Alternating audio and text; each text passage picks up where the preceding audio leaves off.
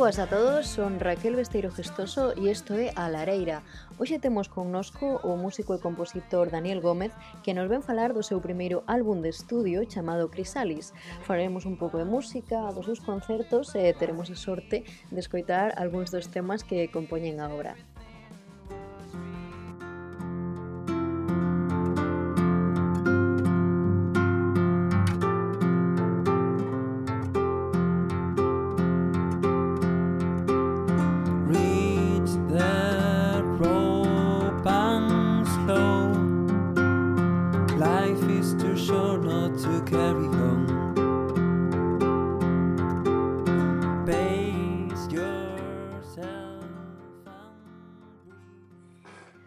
Bos días a todos, estamos nun programa máis da Lareira, son Raquel Besteiro Gestoso e hoxe temos connosco a Daniel Gómez que nos ven presentar o seu novo traballo Crisales. Que tal, Dani? Moi boas, que tal, como estamos? Pois moi ben, pues... mira, pois- tú mesmo defines o teu traballo como sutil, mimado, elegante, con influencias de indie, folk e falas aquí tamén do down tempo. Fánanos un pouco de desto de que, que quere decir. O down tempo, se, se non me equivoco, naceu nos anos 90 é un xénero eh, ambient, estilo chill out, non é chill out como tal, pero caracterízase sobre todo tamén porque eh, a influencia dos samplers nas grabacións e hai moitas repeticións eh, hai de ritmos uh -huh. que o que intentei eu aplicar na, na miña música non, ni, nin, non tan só na, na, na forma de facer o, os sonidos co, co ordenador ou co samplers, senón tamén a hora de aplicalos na a hora de aplicalos na guitarra na guitarra española. Por exemplo, eu baixaba moito que son as cordas das, das da guitarra, pois de afinación para intentar conseguir unhas afinacións acordes ou os samples e que traballaran conxuntamente facendo unha mm. canción, unha canción que que reflexara pois un un relax, un, un, unha calma ou mm. ou un, un sentimento. Claro. E fálanos do teu disco, que atoparemos nel? Porque, bueno, ti mesmo falas de que mesturas estilos musicais e que intentas transmitir sensacións a través da túa música, pero polo que estiven escoitando, que, bueno, por aí cancións de fondo para que a nosa audiencia as poida escoitar, varías moito os estilos e incluso o tipo de letra que, que escribes. Sí, pois no disco en Chrysalis atopamos diferentes eh, ritmos, patróns rítmicos, podemos atopar tamén pois o que comentaba antes, eh, diferentes sons de, de samplers que poden imitar, pois por exemplo, outros instrumentos como poden ser unha zanfoña ou instrumentos que recordan pois o, o indie, o indie folk tamén. Tamén atoparemos pois eh, mandolinas, ritmos de batería, e estes ritmos de batería tamén intentei aplicalos eh, nos ritmos de, de guitarra para que eh, porque neste caso estaba bastante só é un proxecto en solitario e eh, quería pois eh, facer eh, unha banda eu só daquela maneira para para facer un disco máis máis completo. E eh, atoparemos cancións nas que nas que falamos do intrínseco eh, de vivencias personais, hai moito de min aí, e mm. tamén do extrínseco, porque son casos comuns, historias que do día a día de, que nos pasan a, a todo a todo o mundo e que de alguna maneira pois tamén hai que hai que poder amosalas, ensinalas ao, ao público porque tamén poden verse reflexadas nelas. E son temas pois mm-hmm. actuais e tamén de toda de toda a vida que sobre aspectos sociais que nos implican e que é, sobre todo pois moitas veces tamén de, de búsqueda da, da felicidade de, dun mesmo, non? Esa eclosión da crisálida, pois to que tes, eh, que queres sacalo hmm. para fora, pois eh, é que intentas que algún día pois eso co, co traballo conxunto e coa implicación dos demais, pois Tiveches algunha vivencia persoal que che motivou a, a compor o disco? poderíamos falar de que de buscarse a un mesmo, de, de que levaba dende os 14 anos tocando a guitarra e que un, un dos meus soños era ese, poder tocar a guitarra e cantar a vez. A nivel persoal, pois, eh, amosar unhas letras que a xente pois se pudiera sentir identificada ou que de alguna maneira pois eh, eh, teñan un beneficio para, para o uh -huh. mundo, non non que sexan unhas cancións eh, eh, calqueira, non, senón que cada unha pois poida contar unha, unha pequena uh -huh. historia, un pequeno conto, claro. un pequeno conto eh, e que pois eh, teña unha historia. Claro. Eh, de que falas nas túas cancións? Porque, por exemplo, Puzzle ou Bliss eh, que por exemplo a min Puzzle resulta unha canción moi misteriosa, non? Porque falas como de completar as pezas dun puzzle e xuntalas ata que ata que encaixan E resultame moi mm. curioso esa, esa metáfora, non sei se te refires a algo concreto. Sí, refírome, por exemplo, cando nos montamos moitos puzzles na cabeza, cando reflexionamos un montón e cando cando estamos artellando aí todo o tempo na, na cabeza, ás veces é máis sincero do que creemos, eh, ás veces pois iso, as, as pezas únense moita, hai, hai ocasións na que nas que tes que despexarte e esas pezas únense por si soas, non fai falta si sí que tes que facer traballo para que intentar que se unan, pero que a veces é todo máis sinxelo do que esperamos claro. e, eh, e eh, que encaixan por, por si soas. É, é unha das cancións que, por exemplo, ten moi moi pouca letra, pero é o que quería contar, non? Mais ás veces o que queres contar, o que queres transmitir que o que que, que teña moita moita letra en sí. Comentabas que plantexabas o proxecto de Crisalis xa non somente como un álbum persoal, senón como un proxecto artístico, porque tamén te encargaches do deseño de cuberta, da galleta do disco e de todo o que ten que ver coa maquetación. Sí, É unha das cousas que, que precisamente como a puzzle non comime moita a cabeza eh, para, para editalo porque non sabía se quería ben encargar yo, pois a, coñezo moita xente que fai traballos artísticos de ilustración e, e que podería pois eh, de alguma maneira eh, beneficiar a súa arte e o seu traballo tamén. Pero neste caso quixen facelo eu porque era o meu primeiro disco eh, uh -huh. o interioricei moitísimo, o vivía moito, vivín todo o proceso de facer as cancións en Bonobo, vivín todo ese proceso e eh, como a que xa tiña historia, xa tiña o concepto da, da crisálida e logo investigando moito por internet ou por coñecementos persoais, pois din cunha radiografía dunha, do interior dunha dunha crisálida, quise facer o, o deseño a, a Rotring e editalo a, coa axuda dun compañeiro que maqueta que maqueta artísticamente xa discos eh, pois eh, fixemos a maquetación en, en Photoshop eh, pero eu aportaba os deseños, os debuxos a, a galleta do disco, por exemplo é unha, unha acuarela que ven a mostrar a vida interior dunha, dunha crisálida ven, ven a mostrar tamén esa loita non?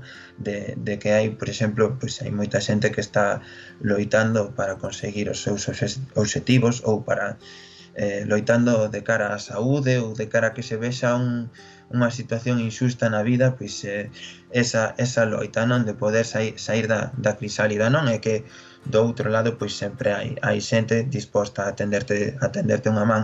E mesmo tamén o manual, pois cada unha das cancións que hai no libreto do, do disco uh -huh. pois ten un debuxiño que ven pois unha ilustración miña tamén para, para amosar eh, eso, o, o contido da, da historia da, da letra. Mm. Claro, falas moi ben do, do tema, non? Porque ao final eh, morrer para renacer é eh, un pouco canto de esperanza para xa non somente quizáis experiencias túas persoais, senón calquera persoa que se atope nunha situación no que pense que non hai saída, pois que as cancións tamén a poidan axudar a pensar que siempre hay una oportunidad de nuevo para romper a crisálida. Sí, sí, sí, claro. Eh, sí, es como esas paredes e ás veces pois tamén nesta crisálida é como eu invito os demais a que entren mm. cando eu expuxen por primeira vez cando fixen o primeiro concerto pois eh, es, dicía a xente agora sodes un invitado un habitante máis desta crisálida porque tamén é como unha casiña mm. é como unha casa onde onde podes eh, pois eh, invitar o teu mundo, o hmm. teu mm. universo pois a, a xente porque ao final todos compartimos un universo similar claro. non Ainda que cada un ten a súa afición a súa carreira ou o que sexa pois temos unha vida similar o sea, somos personas. Eh, e falabas mm. agora falabas agora do, de concertos que diche para promocionar o disco. Queríache preguntar que como foi a experiencia de dar os teus primeiros concertos con público e se tes pensado no futuro facer máis ou onde os faz tamén. Polo momento, eh, só tuve unha ocasión de, de presentar, bueno, en, en tres ou catro ocasións, eh, pero dúas foron foron as oficiais eh, mm. o disco Eh, nos seus findeleiros puiden tocar dúas cancións coa escola de Bonobo e tamén puiden tocar en no, no subo palco o primeiro certame que se fixo que non se volveu a facer sí. pero non, non porque non fora ben eh, porque non se volveu a facer non sei por qué pero eh, ali puiden tocar moitas das miñas cancións e logo xa a presentación oficial foi no na librería Paz no, na librería Paz uh -huh. na librería Paz que foi ali na librería e, e tivo moi boa aceptación colección, eh, onde xa levei os meus discos físicos tamén, e, e ademais pois puiden eh, ter unha entrevista previa antes do, do disco elaborada por, por Rafa Tenorio e, e foi moi, moi guai a, a, a experiencia decorei tamén o, o,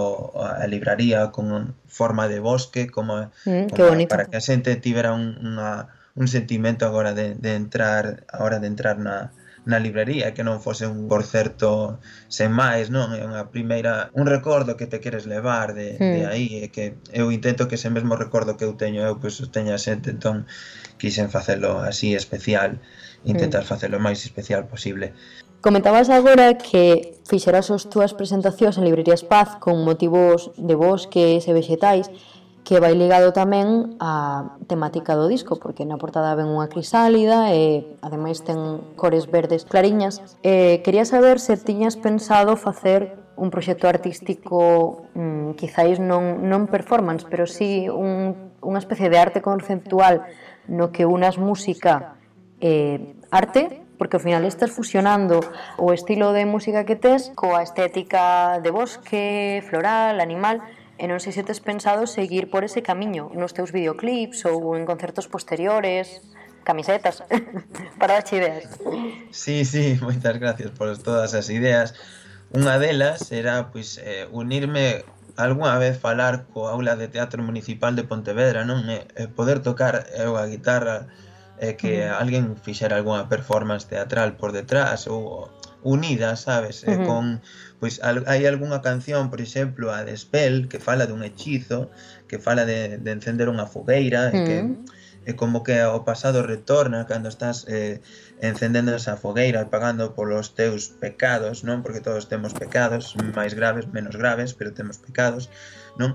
Entón, eh, falaba de, de intentar facer algo así, non? E se non fora algo así, pois facer pois un videoclip no, no mar, por exemplo, encendendo unha fogueira, esas, mm. esas noites de San Xoán míticas daqui de, claro. de Galicia, pero non ten por que ser San Xoán e eh, tal, eh, e, como facendo un feitizo e unir eso, tocar a guitarra, a vez que outros fan fan unha performance e, e, e como imbuir non? Mm. E, o, o, art, o sentimento artístico no? en, en todo en todo o proceso porque ao final uh, todo que é música, pintura, claro. arte, está todo moi moi unido en sí. Eh. Mm. Os videoclips que fixen ata agora pois eh, están feitos por Alex Mosteiro eh, e tamén Amelia Palacios, que é pintora, eh, tamén ten eh, fixo o videoclip de, de Morriña uh -huh. en, en Foz e eh, temos un videoclip a pantalla dobre mm, eh, reflectindo o, o mar e a vida no mar uh -huh. o traballo no mar dos pescadores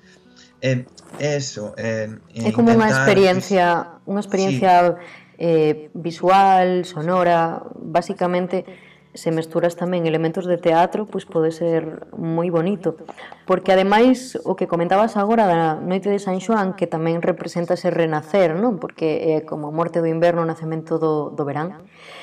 Tamén iría bastante acorde coa temática do disco E observo que tes influencias pois, tanto do folclore galego, obviamente, pois como de reminiscencias desas letras mmm, non sei se de folk ou de metal sinfónico, tipo Mago de Oz ou así, que sempre está falando como de lendas ou de non sei, a rosa, la rosa de los vientos, Noche pagana, que sempre están como sí. describindo unha situación na que eh, hai ese representante chamánico, ese mm, de, o que comentabas de feitizos con esa, esas dosis de fantasía tamén. A mí me parece moi interesante, porque de feito non me soa que actualmente haxa ninguén en, en Galicia polo menos que faga ese tipo de representacións.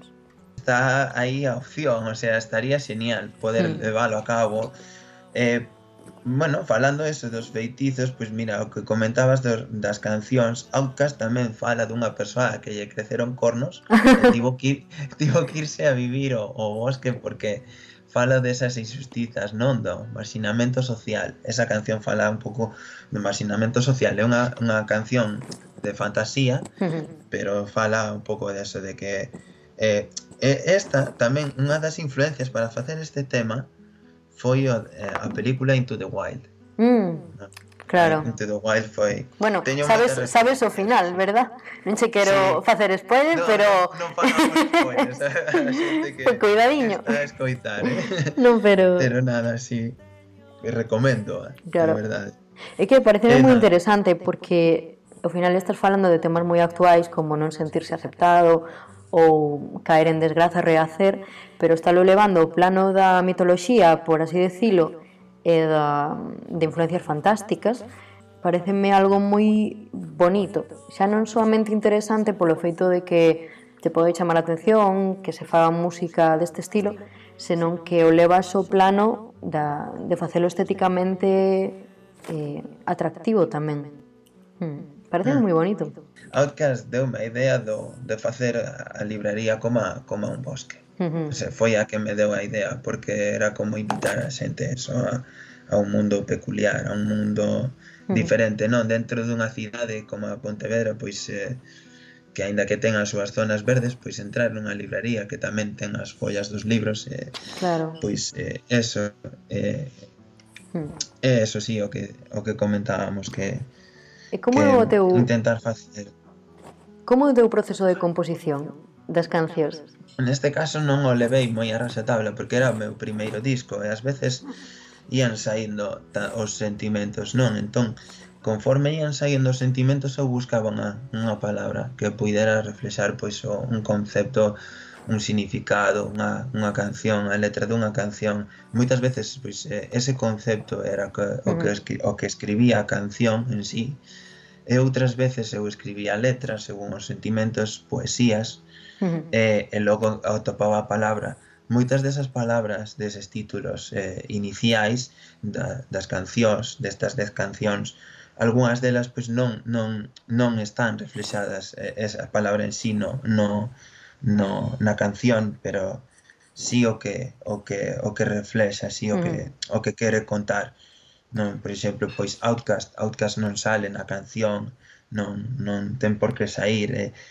e logo pois eh, agora de primeiro ia normalmente sempre me ia a guitarra, o que era o primeiro que compoñía, buscaba pois eso, unha afinación acorde que me gustara, investigar sobre sobre esa afinación, uh -huh. desafinando as cordas, eh, elaborando as escalas tamén, vendo sobre a escala que que progresións podería facer que, que mellor me ían uh -huh. e logo pois eh, atopaba xa a letra para para escribir acorde a esa guitarra e xa por último pois eh, engadíamos os, os instrumentos, uh -huh. a instrumentación pois, eh, en base a samplers, en base a outros instrumentos como piano, eh, mandolina ou, ou o necesario, uh -huh. o necesario para, para o tema. E logo sempre estaba presente o tema da crisálida Claro. Eso sí.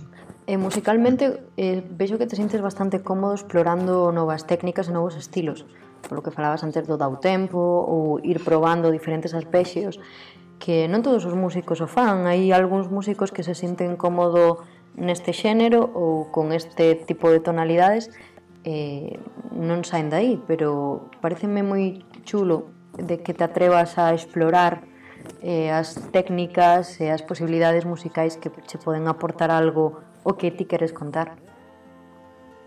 Sí, é que eu creo que un músico ten que ser eso, non queda sentas que estancado, non? Igual que cada un no seu traballo, pois ao final intentar eh, facer da vida algo da vida algo máis interesante non ese, a, ese o público pois eh, pode chegar a escoitar algo que de repente falle un clic na cabeza e, e escoitar algo diferente pois eu estou encantado o sea, mm. a verdade con que, con que, con que poda chegar aínda que sexa a poucas personas pois está ben mm. eh, eh, en sí pois a investigación pois eh, é o que intentarei facer incluso para o seguinte disco, non? Pois neste caso pois foron os ritmos aplicados de, de baterías a, ás guitarras, eh, pois a, a necesidade de, de investigar pois os diferentes xéneros, pois eh, quería imitar un pouco ritmos africanos ou de, de facer pois rasgueos coa guitarra, de facer eh, diferentes arpexios, de facer diferentes sons, e intentar pois a, armonizar as cancións de dunha maneira que foran eh, bonitas, non, que foran agradables ao oído, de mm. de intentar pois eso, facer un traballo final chulo, non, que agora a hora de de elixir a orden das cancións, pois pois pudera ter un, un, un son en sí que, que, mm. que mm-hmm. gustase. Comentabas agora que usabas pois esos ritmos africanos ou que explorabas un pouco os diferentes instrumentos que che podían aportar acompañamento á letra. E quería che preguntar se optas polo método de MIDI ou por instrumentos en directo, porque a min parece moi interesante as posibilidades que aportan ahora os diferentes softwares como Logic ou eh, Ableton de poder ti a través dun teclado pois poder meter acompañamentos de instrumentos que igual non sabes tocar, pero como os podes crear digitalmente, pois podes controlar o teu proceso. Que sí que é verdade que gravar un instrumento en vivo, pois obviamente che aporta matices que non che aporta un ordenador, pero eu creo que é algo positivo para ti poder controlar a sonoridade que queres ter e quizáis ou metelo directamente no disco ou amosarlo a un músico que toques esos instrumentos e decirlle, mira, creo que eso é así. E usas esa posibilidade de andar fuchicando nos softwares de producción? Pois bastante, mira, ah, o programa que utilizamos para para gravar o disco é o, o Cubase e tamén o, o Reaper.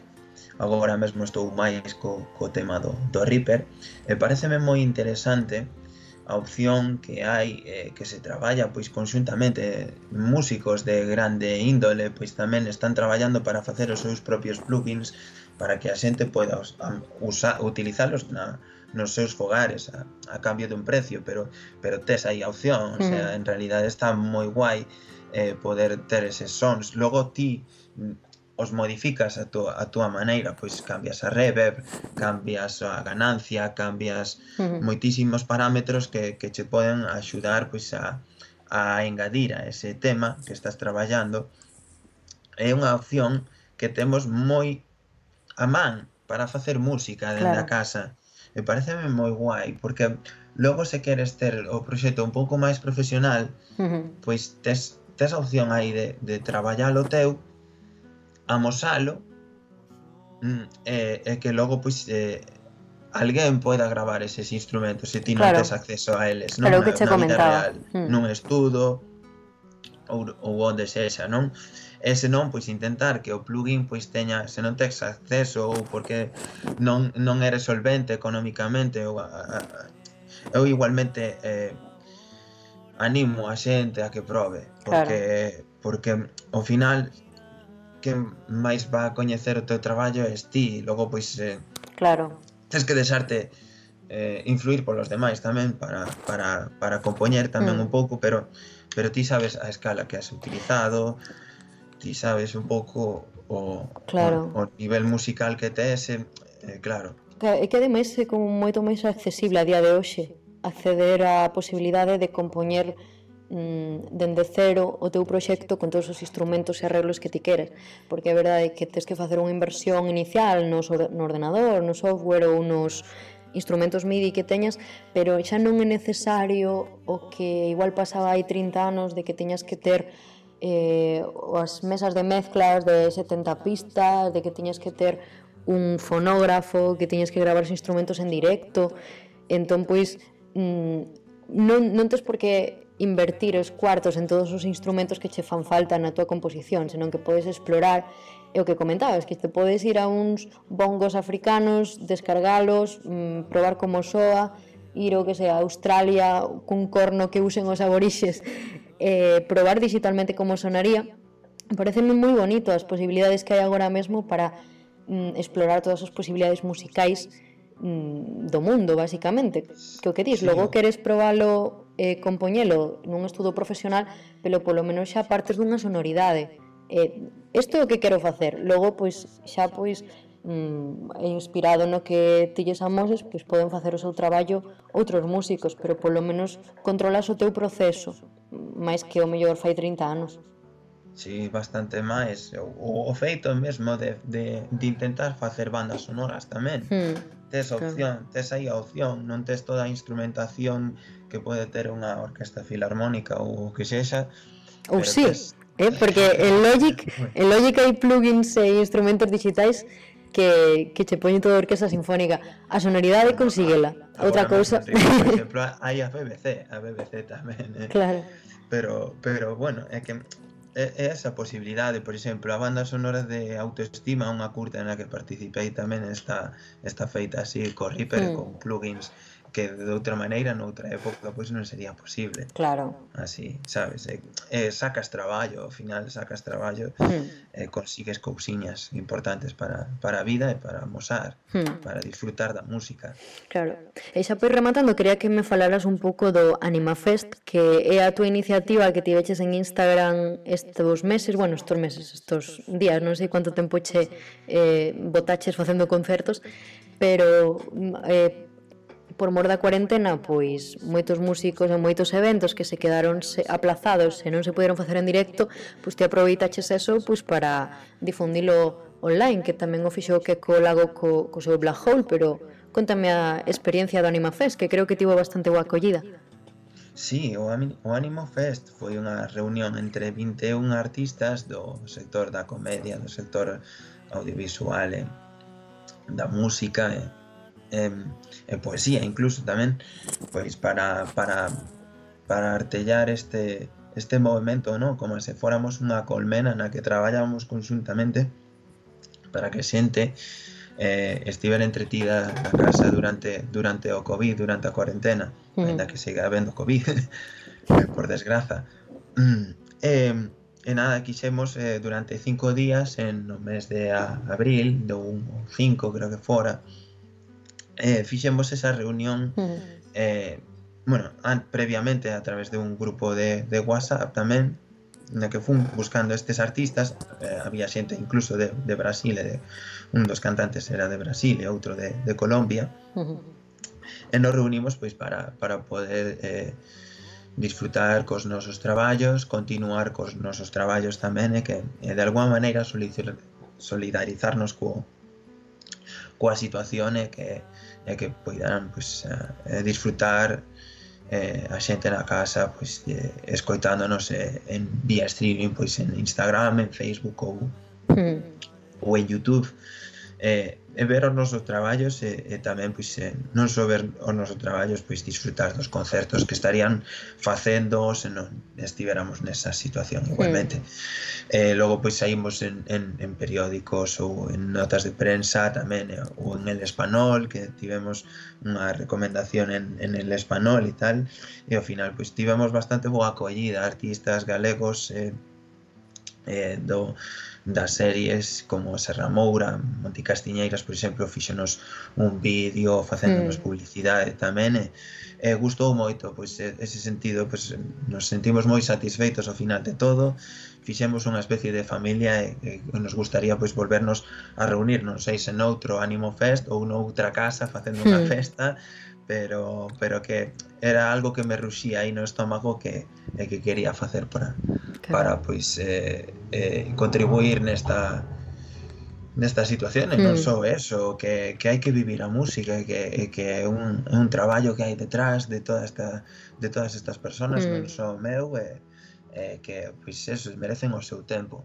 Eu creo que os artistas merecen o seu tempo e eh. É que tamén é un veces non o temos. Claro, tamén é un xesto bastante solidario porque, bueno, eu todos os artistas que coñezo sí que son moi partidarios de, de facer as cousas pois, por amor ao arte, ao final, porque é algo que lle sae de dentro pero tamén sirve para xente externa o mundo do arte, o mundo da música, pois que se dé conta de que esa lenda que existe de que todos os artistas son uns interesados ou que mm, solamente fan as cousas pois por, por, pola fama ou polos cuartos, pois que tamén se den de conta de que son os primeiros en estar en primeira liña eh, amosando o seu traballo gratis, eh, compartir, ao final é compartir o arte coa, coa xente, co público. Si, sí, é que nun principio non buscas o, o diñeiro, sabes? O primeiro o primeiro que queres é amosar, eh? amosas un sentimento, amosas unha historia, amosas un tempo de traballo que leva moitos meses e moitos e incluso anos detrás, non, para mm. chegar a ese a ese produto, digamos, tangible, non, que agora pois xa non é tan tangible, por eso eu fixen este traballo artesanal así, Crisalis eh, que está o CD físico tamén, eh, e por eso tamén quero de alguma maneira nos videoclips non? Eh, que ao ver pois tamén palpes algo, non? Incluso vendo ou non cos ollos, non que que o palpes, non claro. que vexas un sentimento que que o teñas, que te chegue ao corazón e tal. Uh -huh. eh, por exemplo, Bliss eh, este último videoclip que saquei, pois é, eh, é un videoclip no que amoso pra, eh, ábrome a alma, sabes? Eh, amoso a miña vida cando era pequeno, que nunca o fixen, sabes? O público non podo amosar a miña familia e tal, pero estou non amosando a todo o mundo. Eh. Pois nada, Dani, pois xa se queres nos imos despedindo. Eh, por último, lembra os nosos ointes onde poden facerse co teu disco, escoitar a tua música e ver os teus videoclips. Pois a miña música está accesible en todas as plataformas, poden escoitalo en Deezer, en Spotify, Amazon Music, Youtube, eh, por, está editado por, autoeditado por Rock CD, unha empresa de, de Madrid, podería ah, pelo feito aquí en Galicia, pero tiña moi bons servicios e, e quixeno facer así. E despois pois tamén está eh, está encontrase o disco en físico agora mesmo na librería Paz ou na miña casa no meu fogar. Se queren poden me escribir o meu mail. E de todos a casa a casa de Dani, por favor. Sí, no. Picáidelle a porta e decidille, mira, quero un disco, Dani. Vale, pues se queren eu baixo, pero primeiro que escriben. eh, eh, eh, nada, pero que me escriban o mail se queren ou no Facebook ou, ou en YouTube para para falarme de se queren este disco en, en físico. O mail é Daniel Gómez oficialmusic@gmail.com eh, oficial con dous Fs, e se queren eh, bueno, a, eh, adquirir un deses discos que me escriban eh, e en, encárgome de enviálo ou o que sexa. E nada, pois podenme escoitar pois eso nas redes, en YouTube, teñen os meus videoclips, traballos anteriores tamén e, e así. Pois moitas grazas, Dani. A ti, moitas grazas por vir a Lareira. A todo o mundo que está escoitando. Pois espero. Moi ben, espero que che vaya moi ben no futuro, que isto xa acabará pronto, pronto poderás tocar en directo e con estos con estas palabras nos despedimos ata a próxima Lareira. Moitas grazas.